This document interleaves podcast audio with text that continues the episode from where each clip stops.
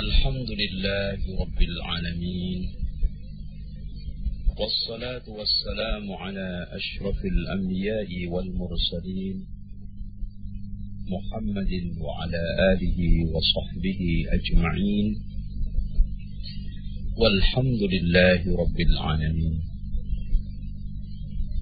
Rekan data pendengar yang budiman, semoga Allah Subhanahu wa taala tetap melimpahkan kepada kita semuanya termasuk pemerhati dan rekan data limpahan rahmat, inayah, istiqamah dan tetap tegar di atas kebenaran.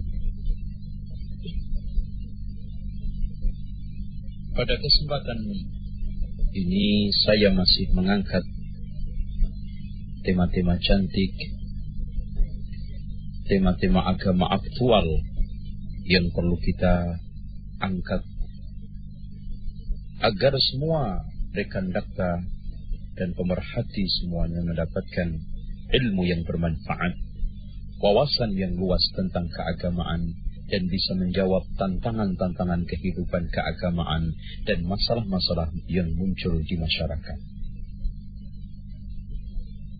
Kali ini kita mencoba untuk menyoal seputar terkait dengan tradisi yang sudah mendarah daging, acara yang sudah menjadi kebiasaan di tengah masyarakat, ritual yang sudah diyakini menjadi bagian daripada Islam, yaitu peringatan hari lahir Rasulullah atau peringatan ulang tahun lahirnya Rasulullah. Sebelum saya menyoal lebih jauh lagi, saya ingin sampaikan kepada pemerhati dan rekan dakta bahwa Allah Subhanahu wa taala telah menyempurnakan agama yang mulia ini mentuntaskan seluruh syariat sebelum Rasulullah sallallahu alaihi wasallam kembali kepada Allah Subhanahu wa taala.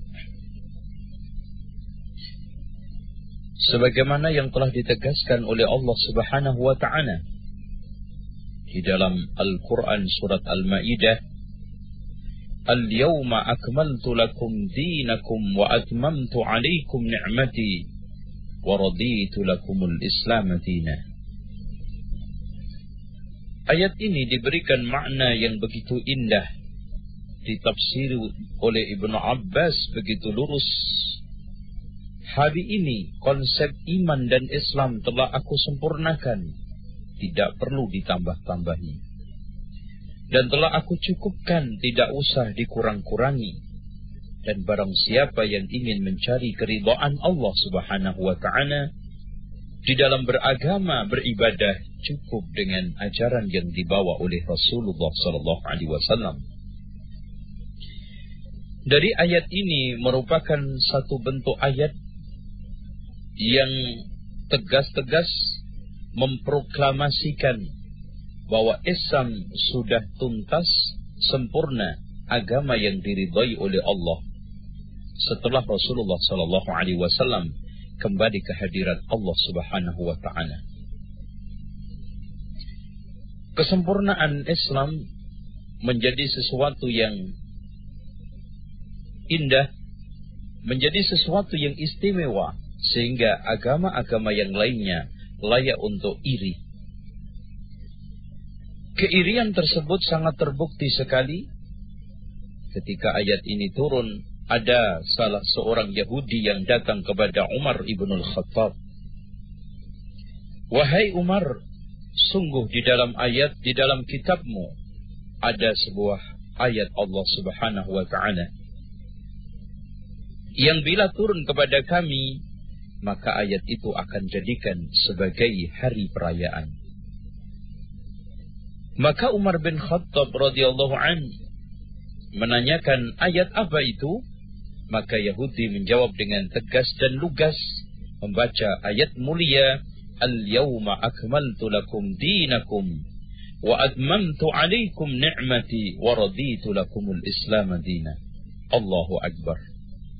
Sebagian Yahudi lebih paham tentang makna ayat ini arahnya ke mana.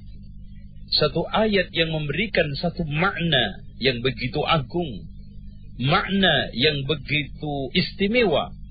Menunjukkan kesempurnaan Islam yang telah ditinggalkan oleh Rasulullah SAW untuk umatnya. Hal itu bukan hanya pernyataan Allah Subhanahu wa taala saja. Bahkan Rasul yang mulia mengatakan di dalam hadis yang diriwayatkan oleh Imam Muslim, "Ma ba'athallahu min nabiyyin illa kana haqqan 'alaihi ay yadulla ummatahu 'ala khairin ma ya'lamuhu lahum wa yundhiruhum syarra ma ya'lamuhu lahum." Tidaklah ada satu nabi yang diutus oleh Allah melainkan merupakan satu hak satu hal yang harus menyampaikan apa saja yang dianggap baik untuk umatnya akan diajarkan kepada mereka dan tidaklah ada satu keburukan melainkan diajarkan diberitahu bahwa itu buruk artinya secara singkat dan simpel. Rasulullah Shallallahu Alaihi Wasallam mengatakan di dalam hadis yang diriwayatkan oleh Imam Al Hakim di dalam Mustadraknya dengan sanad yang sahih, Rasulullah mengatakan, "Walaysa min amalin yudkhilul jannata illa qad amartukum bihi, walaysa min amalin yudkhilun nara illa qad nahaitukum an." Tidaklah ada satu amalan yang memang amalan itu masukkan orang ke dalam surga, melainkan telah aku perintahkan. Dan tidaklah ada satu amalan yang menjerumuskan orang ke dalam neraka, melainkan telah aku larang. Jadi yang baik pasti diperintahkan oleh Rasulullah, dan yang buruk pasti dilarang oleh Rasulullah. Tidak ada suatu kebaikan yang masih tersisa belum dijelaskan oleh Rasulullah dan tidak ada satu keburukan, kemungkaran yang tersisa yang belum mendapatkan tempat dalam penjelasan baik lewat Alkitab wa Sunnah. Sekarang kalau kita pembicaraan tentang masalah soal agama berpijak dengan pijakan ayat-ayat yang mulia, hadis-hadis yang indah, insya Allah menjadi terang dan gamblang. Bahwa ajaran adalah konsep, ajaran adalah resep, Ajaran adalah pakem. Rekan data yang dimuliakan oleh Allah. Kalau seandainya ada seorang yang merubah pakem pewayangan, pasti orang-orang yang kemar dan tahu faham dunia pewayangan akan marah. Orang-orang yang merubah resep kedokteran yang sudah diajarkan dengan ilmu-ilmu yang begitu mahal, kemudian ada orang sembarangan memberikan resep kedokteran, maka pakar-pakar medis akan marah. Kalau sekarang Islam merupakan satu bentuk pakem ajaran, bentuk resep, dan bentuk konsep. Kalau seandainya ada orang berbicara sembarangan soal masalah agama, menambahi mengurangi sembarangan seputar masalah agama, maka tokoh-tokoh ulama-ulama mulia akan menunjukkan kemarahan pula sama. Kalau sekarang kita sudah paham seperti itu, berikan data yang dimuliakan oleh Allah. Sekarang kita tinggal menanyakan, kalau memang peringatan maulid Nabi itu merupakan satu sunnah yang baik, kalau mereka, kalau memang ulang tahun Rasulullah merupakan sesuatu tradisi yang dicintai, digemari oleh Allah dan Rasulnya, maka hal itu akan dijelaskan oleh Allah di dalam kitabnya, akan dijelaskan di dalam uh, sunnah Rasulullah Sallallahu Alaihi Wasallam. Apalagi kalau kita melihat jangankan soal masalah-masalah yang kecil, yang besar seperti peringatan Maulud Nabi. Pernah ada seorang musyrikin yang datang kepada Salman Al-Farisi, "Wahai Salman, sungguh ajaib, sungguh sangat menakjubkan Nabimu ngajari segala sesuatu sampai tata caranya cebok." Kalau memang tata caranya keluar masuk WC diajarkan, diberitahukan oleh Rasulullah kepada umatnya. Soal masalah adab tidur, bangun dan mau tidur. Ada ada etika, ada adabnya diajarkan oleh Rasulullah. Bagaimana peringatan uh, peringatan besar. Satu pertanda yang dikatakan oleh sebagian orang tanda cinta seseorang kepada Rasulullah Sallallahu Alaihi Wasallam tidak ada penjelasan sedikit pun. Ada sebagian orang yang kadang-kadang memutarbalikkan fakta. Kalau memang hal itu dilarang oleh Rasulullah, kenapa tidak dijelaskan di dalam Al-Quran dan Sunnah? Kalau memang peringatan Maulid Nabi tidak di, tidak eh, tidak boleh dilarang oleh Rasulullah, mana dalilnya larangannya di dalam Alkitab wa Sunnah? Sebetulnya cara berpikir ini sangat rendah. Cara berpikir seperti ini sangat tidak bisa dibenarkan. Kalau sekarang ada sesuatu yang dilarang alias bid'ah diada-ada, kemudian dibalik. Kalau memang itu dilarang, mana dalil larangannya di dalam Alkitab wa Sunnah? Pemerhati daktar rekan datang yang dimuliakan oleh Allah. Karena tidak ada dalilnya itulah, karena tidak ada petunjuk petunjuknya, maka perkara itu dilarang. Karena ada suatu kaidah al-aslu fil ibadah al-hurmah. Aslinya ibadah adalah haram, dilarang kecuali ada dalil yang membolehkan. Sementara aslinya makanan adalah mubah kecuali ada dalil yang yang melarangnya. Dalilnya dari mana kaidah ini? Apakah kaidah ini muncul begitu saja dibuat oleh ulama untuk membela visi dan misinya? Tidak. Berdasarkan hadis Rasulullah SAW yang mulia, "Man amila amalan laisa alaihi amruna fawaraddun." Barang siapa yang mengamalkan suatu amalan yang tidak ada contoh dan petunjuk dariku maka tertolak. Dalam riwayat Bukhari, man ahdatha fi amrina hada ma laysa minhu fawaraddun. Barang siapa yang mengada-ada perkara di dalam agamaku ini, syariatku ini yang tidak ada petunjuk contoh dari Rasulullah dari Al-Quran, maka tertolak. Kalau sekarang hujah orang yang mengatakan kalau memang peringatan mulut Nabi itu dilarang, mana dalilnya? Kalau pernyataan ini kita bolehkan. Udah, sekarang kita sholat Al-Fatihah setiap satu rakaat membaca tiga kali Fatihah. Kita berka kita katakan kepada mereka, kalau memang membaca Fatihah dalam satu rakaat tiga kali dilarang, mana dalilnya? Begitu juga ketika ruku, ketika sujud, ketika sujud pada waktu sholat kita angkat salah satu kaki kita. Ya kan kalau kita katakan mas sekarang sujud kok ngangkat kaki salah satunya.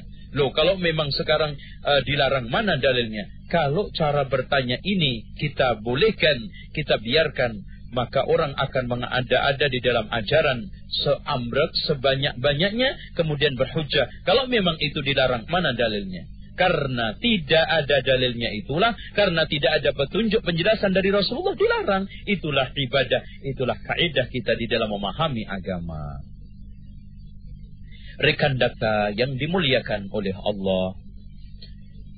Bapak Ibu yang asyik menikmati uh, liburan yang panjang Jumat, Sabtu, Ahad. Semoga tetap istiqomah dan tetap setia konsen di dalam mendengarkan dan memperhatikan mutiara hikmah pada sore hari ini. Kita telah mengetahui apa yang telah diperbuat oleh kebanyakan orang tidak menunjukkan bahwa itu al-haq. Supaya kita tidak terjerumus ke dalam berbagai macam uh, fakta realita, perbuatan kebanyakan orang tidak selamanya mencerminkan kebaikan, tidak mencerminkan kebenaran, maka Allah Subhanahu wa taala menegaskan kepada kita, "Wa in tuti aktsara man fil ardi yudillu ka'an sabilillah. Kalau memang engkau mentaati kebanyakan orang uh, Muhammad, maka mereka akan menjerumuskan, akan menghempaskan kamu dari jalan Allah yang lurus.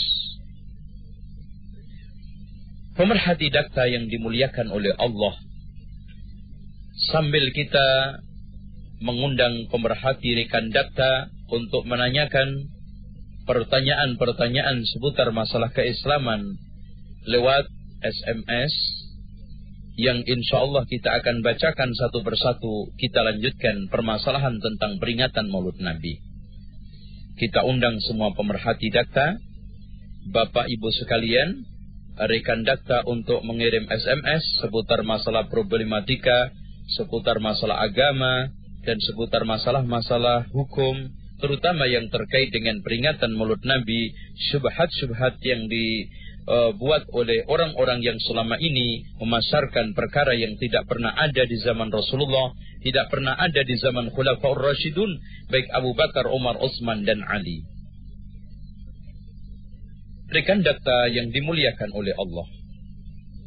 Kalau kita sudah sampai kepada kesimpulan yang terakhir, bahwa asli di dalam masalah agama, masalah ibadah, masalah i'tikad adalah haram kecuali ada dalil yang membolehkannya. Karena kita berpegang teguh kepada hadis mulia Rasulullah sallallahu alaihi wasallam, "Man ahdasa fi amrina hada ma laysa minhu fawaraddun." Dan juga hadis, "Man amila amalan laysa alaihi amruna fawaraddun." Hadis ini muttafaqun alaih. Maka kita sampai kepada kesimpulan yang terakhir. Kenapa kita menolak dan kenapa kita tidak membolehkan? Kenapa kita melarang? Atau kenapa kita tidak me, uh, memberikan justifikasi sedikit pun terhadap orang yang mengadakan peringatan Maulid Nabi walaupun hanya sekedar untuk dakwah kita memiliki alasan kurang lebih ad, uh, ada 12 mudah-mudahan kita bisa sampaikan di dalam mutiara hikmah ini yang pertama kita tidak boleh mengadakan peringatan maulud Nabi karena itu merupakan bentuk perkara yang diada-ada di dalam agama yang tidak pernah dilakukan oleh Rasulullah. Rekan dakta yang dimuliakan oleh Allah. Mari kita menggunakan akal sehat kita. Mari kita gunakan nurani kita yang telah dikaruniakan oleh Allah. Sekecil apa pun akal sehat yang kita miliki. Sekecil apa pun nur nurani yang kita miliki akan bisa membaca secercah kebenaran, sinar-sinar kebenaran tentang batilnya peringatan mulut Nabi. Karena hal itu tidak pernah dilakukan oleh Rasulullah. Rekan dakta, saya akan memberikan satu kesimpulan sedikit saja. Masa sih Rasulullah melakukan peringatan atau ulang tahun? Masa sih Rasulullah SAW tepuk-tepuk tangan seperti yang dilakukan oleh sebagian kaum kufar non-muslim dengan mengatakan happy birthday to you? Apa mungkin Rasulullah Sallallahu Alaihi Wasallam melakukan itu? Kalau memang itu tidak dilakukan oleh Rasulullah dan juga kalau ada orang mengatakan karena hal itu belum sempat dilakukan oleh Rasulullah, kenapa Abu Bakar, Umar, Utsman, Ali orang yang paling mencintai Rasulullah? Tidak ada seorang manusia pun di kalangan umat Islam sejak dari mulai Rasulullah diutus sampai ila yaumil kiamah orang yang paling mencintai Rasulullah ketimbang orang empat ini. Abu Bakar radhiyallahu an, Umar ibn al-Khattab, Utsman ibn Affan dan Ali.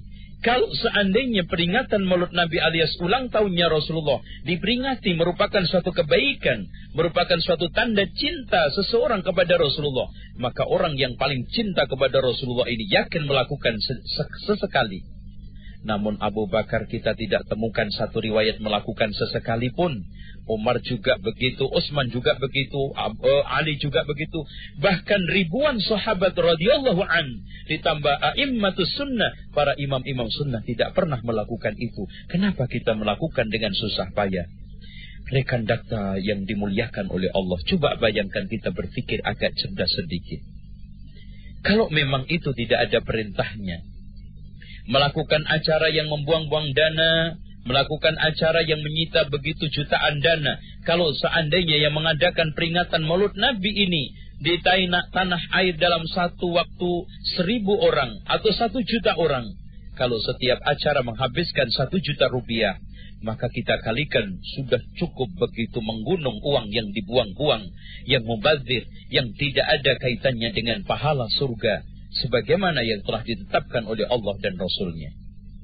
Sementara kita diperintahkan oleh Allah, wa ma atakumur rasulu fakhudhu wa ma nahakum anhu fantahu.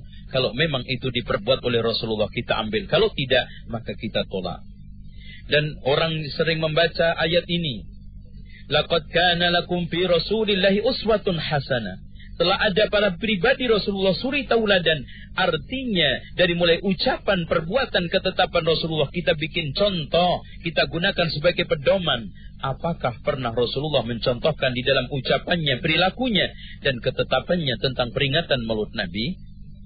Kalau ada orang yang yang mengatakan bahwa Rasulullah pernah memperingati peringatan mulut Nabi dengan dasar eh, ketika ditanya puasa Senin, Rasulullah mengatakan, "Dzaka yaumun mulidtu fihi." Jawaban subhat ini, ikhwan rahimakumullah. Pertama, kalau memang hadis ini sebagai dalil peringatan mulut Nabi, maka yakin ada satu, dua, tiga sahabat yang berdalih melakukan peringatan mulut Nabi dengan hadis ini. Ternyata tidak satu pun menjadikan dalil ini sebagai rujukan peringatan mulut Nabi. Kalau memang betul peringatan uh, apa puasa Senin ini merupakan uh, alat untuk memperingati uh, hari lahirnya Rasulullah, maka peringatannya bukan hura-hura dengan mengeluarkan makan minum, akan tetapi dengan cara puasa. Tapi apa yang diperbuat oleh sebagian orang sekarang ini, nyontoh Rasul enggak, puasa juga enggak, sementara ayat yang dibaca laqad kana lakum fi Rasulillahi uswatun hasanah. Kita tahu semua rekan dakta. والسابقون الأولون من المهاجرين والأنصار والذين اتبعوهم بإحسان رضي الله عنهم ورضوا عنه وعد لهم جنات تجري تحتها الأنهار خالدين فيها ذلك الفوز العظيم Ayat ini memuji as-sabiqun al-awwalun dari kalangan sahabat dari mulai Abu Bakar, Umar, Utsman, Ali Abdurrahman bin Auf, Zaid ibn al-Haritha dan seterusnya. Walladina taba'um biihsanin dan orang-orang masuk Islam setelah mereka. Mereka diridhai oleh Allah dan mereka juga ridha kepada Allah. Mereka diridhai oleh Allah dengan keridhaan yang sempurna tanpa melakukan peringatan maulud Nabi sedikit pun. Dengan demikian, batallah peringatan maulud Nabi dengan sendirinya. Kedua, alasan kita menolak peringatan maulud Nabi karena Rasulullah Shallallahu Alaihi Wasallam telah menyatakan dengan tegas, Man ahdasa fi amrina hada ma laysa minhu. Dan juga Rasulullah Shallallahu Alaihi Wasallam telah menyatakan,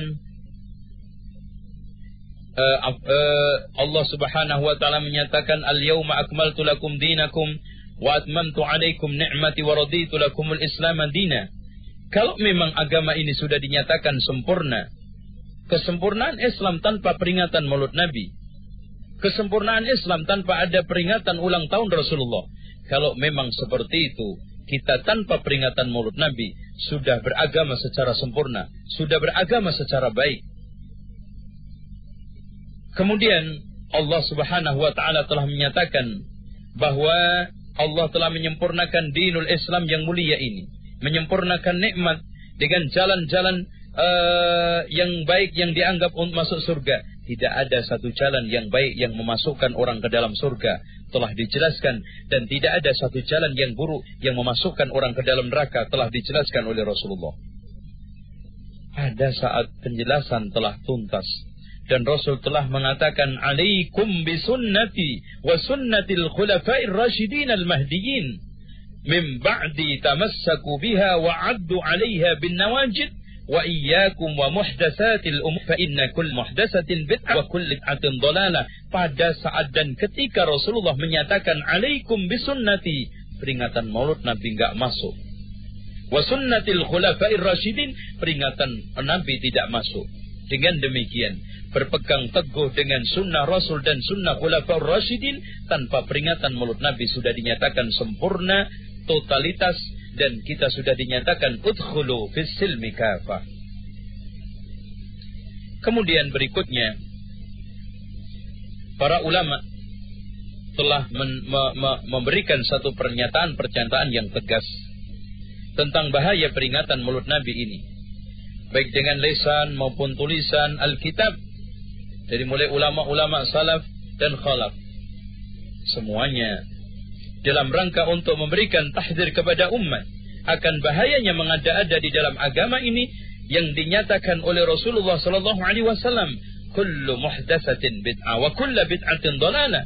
Dan Abdullah ibnu Umar mengatakan kullu kullu bid'atin dalalah wa in yaraha an-nasu hasanah. Setiap yang bid'ah itu sesat walaupun dipandang sebagian orang baik. Dan berikutnya nomor lima kenapa kita menolak peringatan Maulud Nabi karena peringatan maulud Nabi itu atas syabbuh dengan ahlul kitab dari kalangan Yahudi dan Nasrani. Coba antum lihat. Kalau sekarang Rasulullah tidak melakukan. Khulafaur Rashidun yang mulia yang empat tidak pernah melakukan. Sahabat-sahabat Rasulullah menyebar ke seluruh dataran jazirah Arab dan di luar Arab. Dan kalau memang peringatan maulud Nabi itu merupakan sesuatu yang sunnah, sangat efektif sekali di dalam rangka untuk wasilah dakwah ketika menyebar ke jazirah-jazirah non-Arab seperti Persia Romawi. Tapi di antara satu pun sahabat tidak melakukan hal itu. Menunjukkan bahwa tidak ada seorang sahabat pun, sejunior apa pun, mengatakan bahwa e, peringatan maulud Nabi sebagai satu wasilah yang baik. Adapun celotehan orang, sebagian orang mengatakan bahwa Salahuddin telah berhasil mengumpulkan masa dengan cara melakukan peringatan mulut Nabi pada saat itu orang-orang dihimpun membaca berjanji. Ini merupakan kedustaan yang dinisbatkan kepada Salahuddin Al-Ayubi. Kita tanya aja orang yang sekarang ini mengatakan itu. Salahuddin Al-Ayubi hidup pada tahun kapan? 900 sampai 1000 Hijriah. Sementara berjanji ditulis tahun 1200 kurang lebih 1200-an, 48-an ya. Apa mungkin kitab sebelum dikarang sudah dibaca? Dan tolong disebutkan kitabnya. Di kitab mana bahwa Salahuddin Al-Ayubi berhasil mengumpulkan masa di dalam rangka e, memotivasi orang melawan perang salib dengan perayaan peringatan mulut Nabi. Tolong sebutkan kitab yang mu'tamad yang telah dinukil oleh ulama dengan sanad yang sahih. Kalau kita lihat ternyata murni hanya tasabuh dengan ahlul kitab. Kalau memang ahlul kitab sekarang punya kelahiran Isa, maka orang Islam juga iri punya kelahiran Rasulullah. Kalau memang ada kenaikan Isa, maka orang Islam pun iri melakukan kenaikan Rasulullah Isra Mi'raj. Kalau memang sekarang orang eh, orang Kristen memiliki turunnya Isa apalah pokoknya maka orang Islam punya turunnya Al-Qur'an ini tasyabbuh padahal Rasul mengatakan man tasyabbaha biqaumin fahuwa minhum barang siapa yang menyerupai kaum maka dia akan tergolong seperti mereka. Dan tolong dicamkan ikhwan Rasul telah memberikan satu prediksi bahwa umat ini akan meniru ahlul kitab, meniru Yahudi dan Nasrani sejengkal demi sejengkal. Sebagaimana yang telah ditegaskan dalam hadis muttafaqun alaih la tattabi'unna sanana man kana qablakum shibran bi shibrin dira'an bi dira'in law dakhalu juhra dabbin la dakhaltumu Kalian akan mengikuti tradisi umat-umat sebelum kalian sejengkal demi sejengkal, sehasta demi sehasta. Kalau seandainya mereka masuk ke liang hewan seperti biawak, maka kalian akan memasuki juga. Artinya bukan ada nanti orang ahlul kitab masuk ke liang hewan seperti biawak, tidak. Maksudnya kalau seandainya umat mana pun, ahlul kitab mana pun melakukan tradisi, melakukan kebiasaan yang aneh, yang nyeleneh, mustahil dianggap di dalam pandangan Islam mustahil menurut Alkitab wa sunnah bakal ditiru juga oleh umat ini. Gaya apa pun, gaya peringatan, gaya tradisi, gaya berpakaian. Artinya kalau seandainya ada ahlul kitab yang berpakaian mustahil menurut pandangan Islam, mustahil menurut pandangan syar'i, maka akan ditiru juga oleh sebagian umat Islam sehingga muncullah nisaun kasiyatun ariyat. Berikutnya, di samping itu kita tahu semuanya. Sudah bid'ah. Kadang-kadang di dalam peringatan mulut Nabi itu ada ikhtilat antara laki dan perempuan. Menggunakan musik-musik belum lagi dimasukkan ke dalam masjid. Padahal Rasulullah SAW mengatakan sayakunu fi ummati aqwamun yastahilluna al-hirra wal-harir wal-khamra wal-ma'azid akan muncul di tengah umatku ini sekelompok kaum yang menghalalkan zina, sutra, khamr dan musik. Nasallallahu al-afiyah. Ada lagi pada saat uh, peringatan mulut Nabi itu mereka kiam ketika membaca ya Nabi salam alaika maka dia berdiri dengan keyakinan bahwa Rasulullah Shallallahu Alaihi Wasallam pada saat itu hadir. Ini sangat ini lihatlah ajaran bid'ah. Kadang-kadang tampil sangat tidak logis, tampil sangat nyeleneh, tampil sangat sesat bertentangan dengan Alkitab wa Sunnah. Coba bayangkan mana mungkin Nabi Muhammad Shallallahu Alaihi Wasallam hadir kembali ke dunia kalau seandainya mungkin hadir ke dunia, mana mungkin dalam satu malam yang peringatan mulut Nabi jumlahnya bisa ribuan, belum lagi di Jawa, belum lagi di Sumatera, belum lagi di mana lagi di Kalimantan, belum lagi di luar negeri mungkin ada. Rasulullah Shallallahu Alaihi Wasallam sudah cukup bingung untuk datang ke mana dalam satu waktu itu. Sangat tidak masuk akal, sangat tidak logis. Inilah ciri daripada uh, perkara-perkara uh, yang diada-ada yang tidak ada ajaran dari Rasulullah SAW. Persis firman Allah wa idza qila lahum ittabi'u ma anzalallah qalu bal nattabi'u ma alfayna alaihi aba'ana awalau kana aba'uhum la ya'lamuna syai'an wala la ya'qiluna syai'an wala yahtadun. Walaupun bapak dan nenek moyangnya tidak berakal dan tidak mendapatkan petunjuk artinya amalan tidak logis dan kalau ditanya dalilnya tidak punya. Pemerhati data demikianlah uraian-uraian saya tentang peringatan Maulud Nabi. E, sekarang kita tinggal timbang. Sebagaimana ada orang yang berprinsip begini, freedom, berilah dong kebebasan kepada kami untuk mengekspresikan keyakinan yang kita perbuat. Lakum dinukum waliyadin lana a'maluna walakum a'malukum. Maka saya balik. Dalam rangka juga freedom, tolong kami diberikan kebebasan untuk menjaga kemurnian Islam. Islam punya hak penuh untuk menjaga otentik, ya genuinnya Islam ini. Tidak terkontaminasi dengan berbagai macam ajaran-ajaran tambahan. Kalau seandainya sekarang ini tukang bengkel las, uh, apa? Kalau kita lihat uh, konsep-konsepnya di dalam mengelas ditambahi oleh orang lain yang tidak sesuai dengan ilmu itu maka ditolak. Kalau ilmu kedokteran ditambah resep-resep yang keluar dari ilmu kedokteran maka ditolak. Begitu juga yang lainnya. Ada acara apa pun jangankan yang besar-besar, senam, olahraga, ya, e, silat. Kalau seandainya keluar dari pakemnya, keluar dari otentiknya, maka akan diprotes. Bagaimana perkara agama yang begitu e, besar, perkara agama, perkara kesuksesan kita dunia akhirat kita seenaknya menambah, mengurangi, mengadakan acara-acara yang tidak ada dalilnya dari Rasulullah Sallallahu Alaihi Wasallam. Pertanyaan eh, pertama, Ustaz, apa sebab orang suka berlebihan di dalam beribadah? Eh, perlu diketahui bahwa sebab orang ingin berlebihan untuk ibadah awalnya menganggap istihsan ingin men, e, menambah keseriusan kesungguhan dan lebih mempercepat dia masuk surga. Tapi ibadah itu modal istihsan saja tidak cukup kan? Makanya Imam Ash-Syafi'i mengatakan man istahsana faqad syarra'a. Dan rata-rata perkara-perkara baru alias bid'ah yang diciptakan oleh orang di dalam rangka untuk menambah kesungguhan dan keseriusan di dalam ibadah. Oleh karena itu kita tidak membenarkan tradisi-tradisi uh, tersebut walaupun dianggap sebagian orang baik. Kebaikan tidak cukup dianggap, dikira atau berdasarkan perasaan akan tetapi kebenaran adalah yang datang dari Allah dan Rasulnya. Setiap nama Nabi disebut apakah kita uh, harus berkata Allahumma salli wa sallim ala Muhammad? Iya. Karena Rasulullah mengatakan al-bakhilu man idza dzukira ismi wa lam yusalli alayya. Orang yang bakhil adalah orang yang ketika namaku disebut tidak membacakan solawat. Ustaz pada waktu khutbah Jumat, khatib menyampaikan hadis bahwa sebelum Allah menciptakan makhluk, Allah menciptakan Nur Muhammad. Apa benar hadis ini? Al-hadis ini adalah maudhu dan ini merupakan satu uh, di samping hadis ini maudhu bertentangan dengan hadis Rasulullah yang sahih. Fa inna awwalu ma khalaqallahu ta'ala al-qalam yang pertama kali diciptakan oleh Allah adalah Al-Qalam, sementara hadis ini menyatakan yang pertama kali diciptakan oleh Allah adalah Nur Muhammad.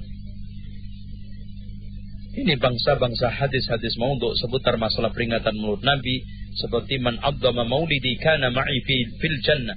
Barang siapa yang mengagungkan peringatan mulut Nabi, maka dia akan bersamaku di surga. Padahal peringatan mulut Nabi baru diadakan setelah abad ke-6. Mana mungkin Rasulullah Shallallahu alaihi wasallam baru bersabda setelah wafat enam abad. Nauzubillah. Ustaz, ada enggak satu buku yang menghimpun perintah-perintah dan larangan Allah dari Al-Quran dan Sunnah? Ada kitab uh, Riyadus Solihin itu antum baca sudah uh, cukup. Di sana juga ada kitab karangan Syekh Salim Al-Hilali larangan-larangan Allah. Uh, banyak kitab-kitab antum uh, belanja aja di toko-toko seperti toko Dakta. Di sini insya Allah buku lengkap. Kenapa para ustadz mau diminta ceramah waktu acara maulid Nabi tak mau menjelaskan kedudukan peringatan maulid Nabi? Hal ini pertama mungkin dia ada syubhat menganggap itu merupakan satu kebaikan. Karena selama ini yang dimaksud peringatan maulid Nabi yang dilarang adalah peringatan maulid Nabi yang ada unsur-unsur baca selawat bid'ah. Tapi saya cuma ngaji. Padahal kita bantah, walaupun hanya sekedar ngaji pun, kalau sudah dalam rangka, dalam rangka, akhirnya kita dalam rangka peringatan mulut Nabi, menjunjung e, peringatan mulut Nabi sama saja. Karena tanpa ada embel-embel apa pun, sudah cukup kita mengatakan sesuatu yang tidak ada ajaran di zaman Rasulullah. Kita tolak sebagaimana yang disuruh oleh Rasulullah. Man ahdatha fi amrina hada ma laysa minhu fawaraddun. Barang siapa yang mengada-ada sesuatu yang tidak ada contoh, tidak ada ketetapan, tidak ada petunjuk dariku, maka tertolak. Rasul sendiri yang menyuruh. Mau diminta, uh, apakah apakah perayaan Isra Mi'raj dan Nuzulul Quran juga sama? Tidak ada uh, apa namanya perbedaan. Apa yang membedakan? Sama-sama tidak pernah diajarkan oleh Rasulullah Sallallahu Alaihi Wasallam. Oleh karena itu, tinggalkan perkara-perkara seperti itu. Kalau memang hal itu pernah didahului oleh Rasulullah Sallallahu Alaihi Wasallam, maka akan uh, kita temukan di dalam kitab-kitab mu'tamad, kitab-kitab yang kita bisa uh, temukan eh, kitab-kitab uh, yang membahas riwayat hadis Rasulullah sallallahu alaihi wasallam.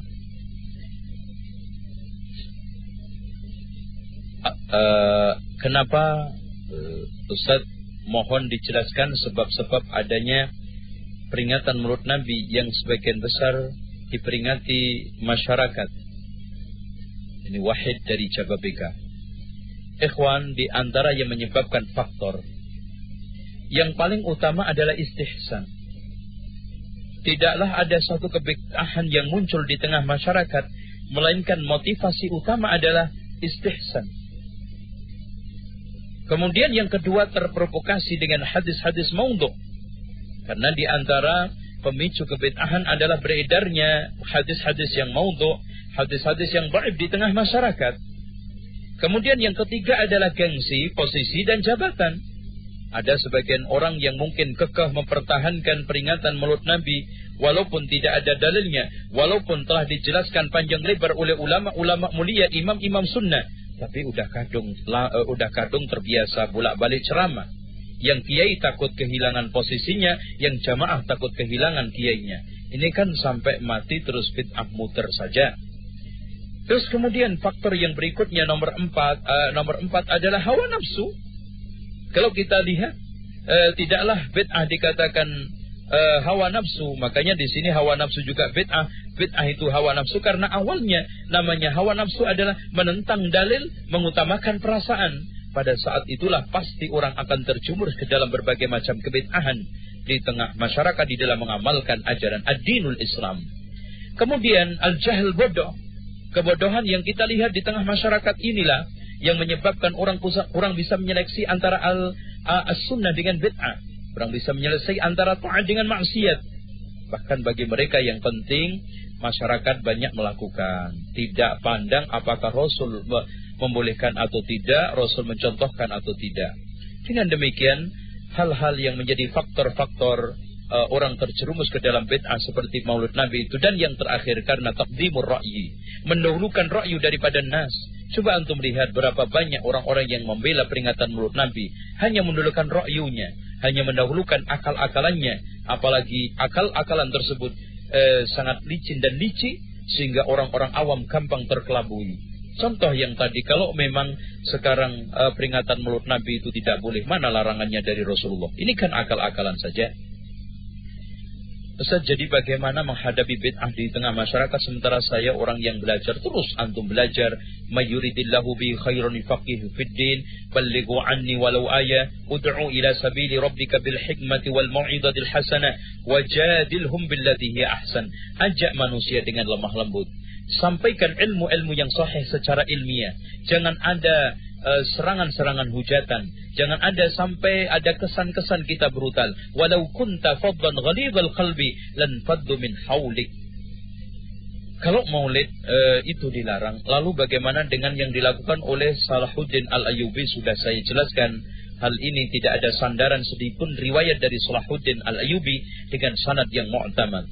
Bahkan e, sebaliknya kontradiktif dia katanya membaca berjanji, berjanji belum dikarang pada zaman Salahuddin Al-Ayyubi. Apakah ben, apa benar maulid itu merupakan amalan ulama awal uh, awalnya pada abad ketiga oleh Salahuddin Al-Ayyubi bukan. Salahuddin Al-Ayyubi bukan. Bahkan itu dilakukan oleh beberapa orang yang uh, selama ini menganggap istihsan terhadap hadis uh, terhadap perbuatan tersebut sehingga dengan mudahnya dia terjerumus ke dalam maksiat. Pertanyaan berikutnya Ummu Fital Tambun. Assalamualaikum Ustaz, boleh enggak kita makan makanan dari acara bid'ah bagaimana dalilnya? Acara-acara atau ritual-ritual bid'ah selain peringatan mulut Nabi boleh dimakan kecuali dagingnya, sembelihannya. Ya buah-buahannya, terus kemudian biji-bijiannya, apa sajalah selain sembelihannya karena Ali ibn Abi Thalib pernah memakan uh, hadiah makanan Nairu selain sembelihan dan Aisyah juga radhiyallahu an telah membolehkan hal itu penjelasan secara rinci telah dijelaskan oleh Ibnu Qayyim Al-Jauzi di dalam eh, Ibnu Taimiyah di dalam kitab Iqtida'us Siratal Mustaqim. Uh, de, terakhir uh, mungkin uh, saya ingin mengakhiri uh, perjumpaan kita ini Pak Ustadz ayat yang tadi beberapa syarah beberapa tentang Allah menunjukkannya uh, kita bisa temukan di dalam tafsir Ibnu Katsir ya. Dengan demikian saya akhiri pertemuan ini dengan pesan bahwa jagalah kemurnian Islam. Waspadalah terhadap tambahan-tambahan yang membahayakan eksistensi Islam. Kita semua punya amanah di pundak kita. Kewajiban menjaga kemurnian Islam kita jaga pakem Islam jangan sampai kita tambah kita kurangi sesuai dengan selera, keinginan, nafsu dan perasaan kita. Apa yang telah saya sampaikan merupakan hujah buat kita semua. Mari kita amalkan, mari kita jadikan ilmu yang bermanfaat. Dan saya akhiri dengan pesan, insya Allah pada hari Ahad besok, asar tetap ada pengajian di uh, Bekasi Muhajirin belakang Rumah Sakit Militra. Insya Allah kita akan kaji di sana hal-hal yang seperti ini lebih tuntas, lebih tuntas insya Allah. Kita akhiri dengan doa kafaratul majlis. Subhanakallahumma wa bihamdika asyhadu an la ilaha illa anta astaghfiruka wa atubu ilaik. Wassalamualaikum warahmatullahi wabarakatuh.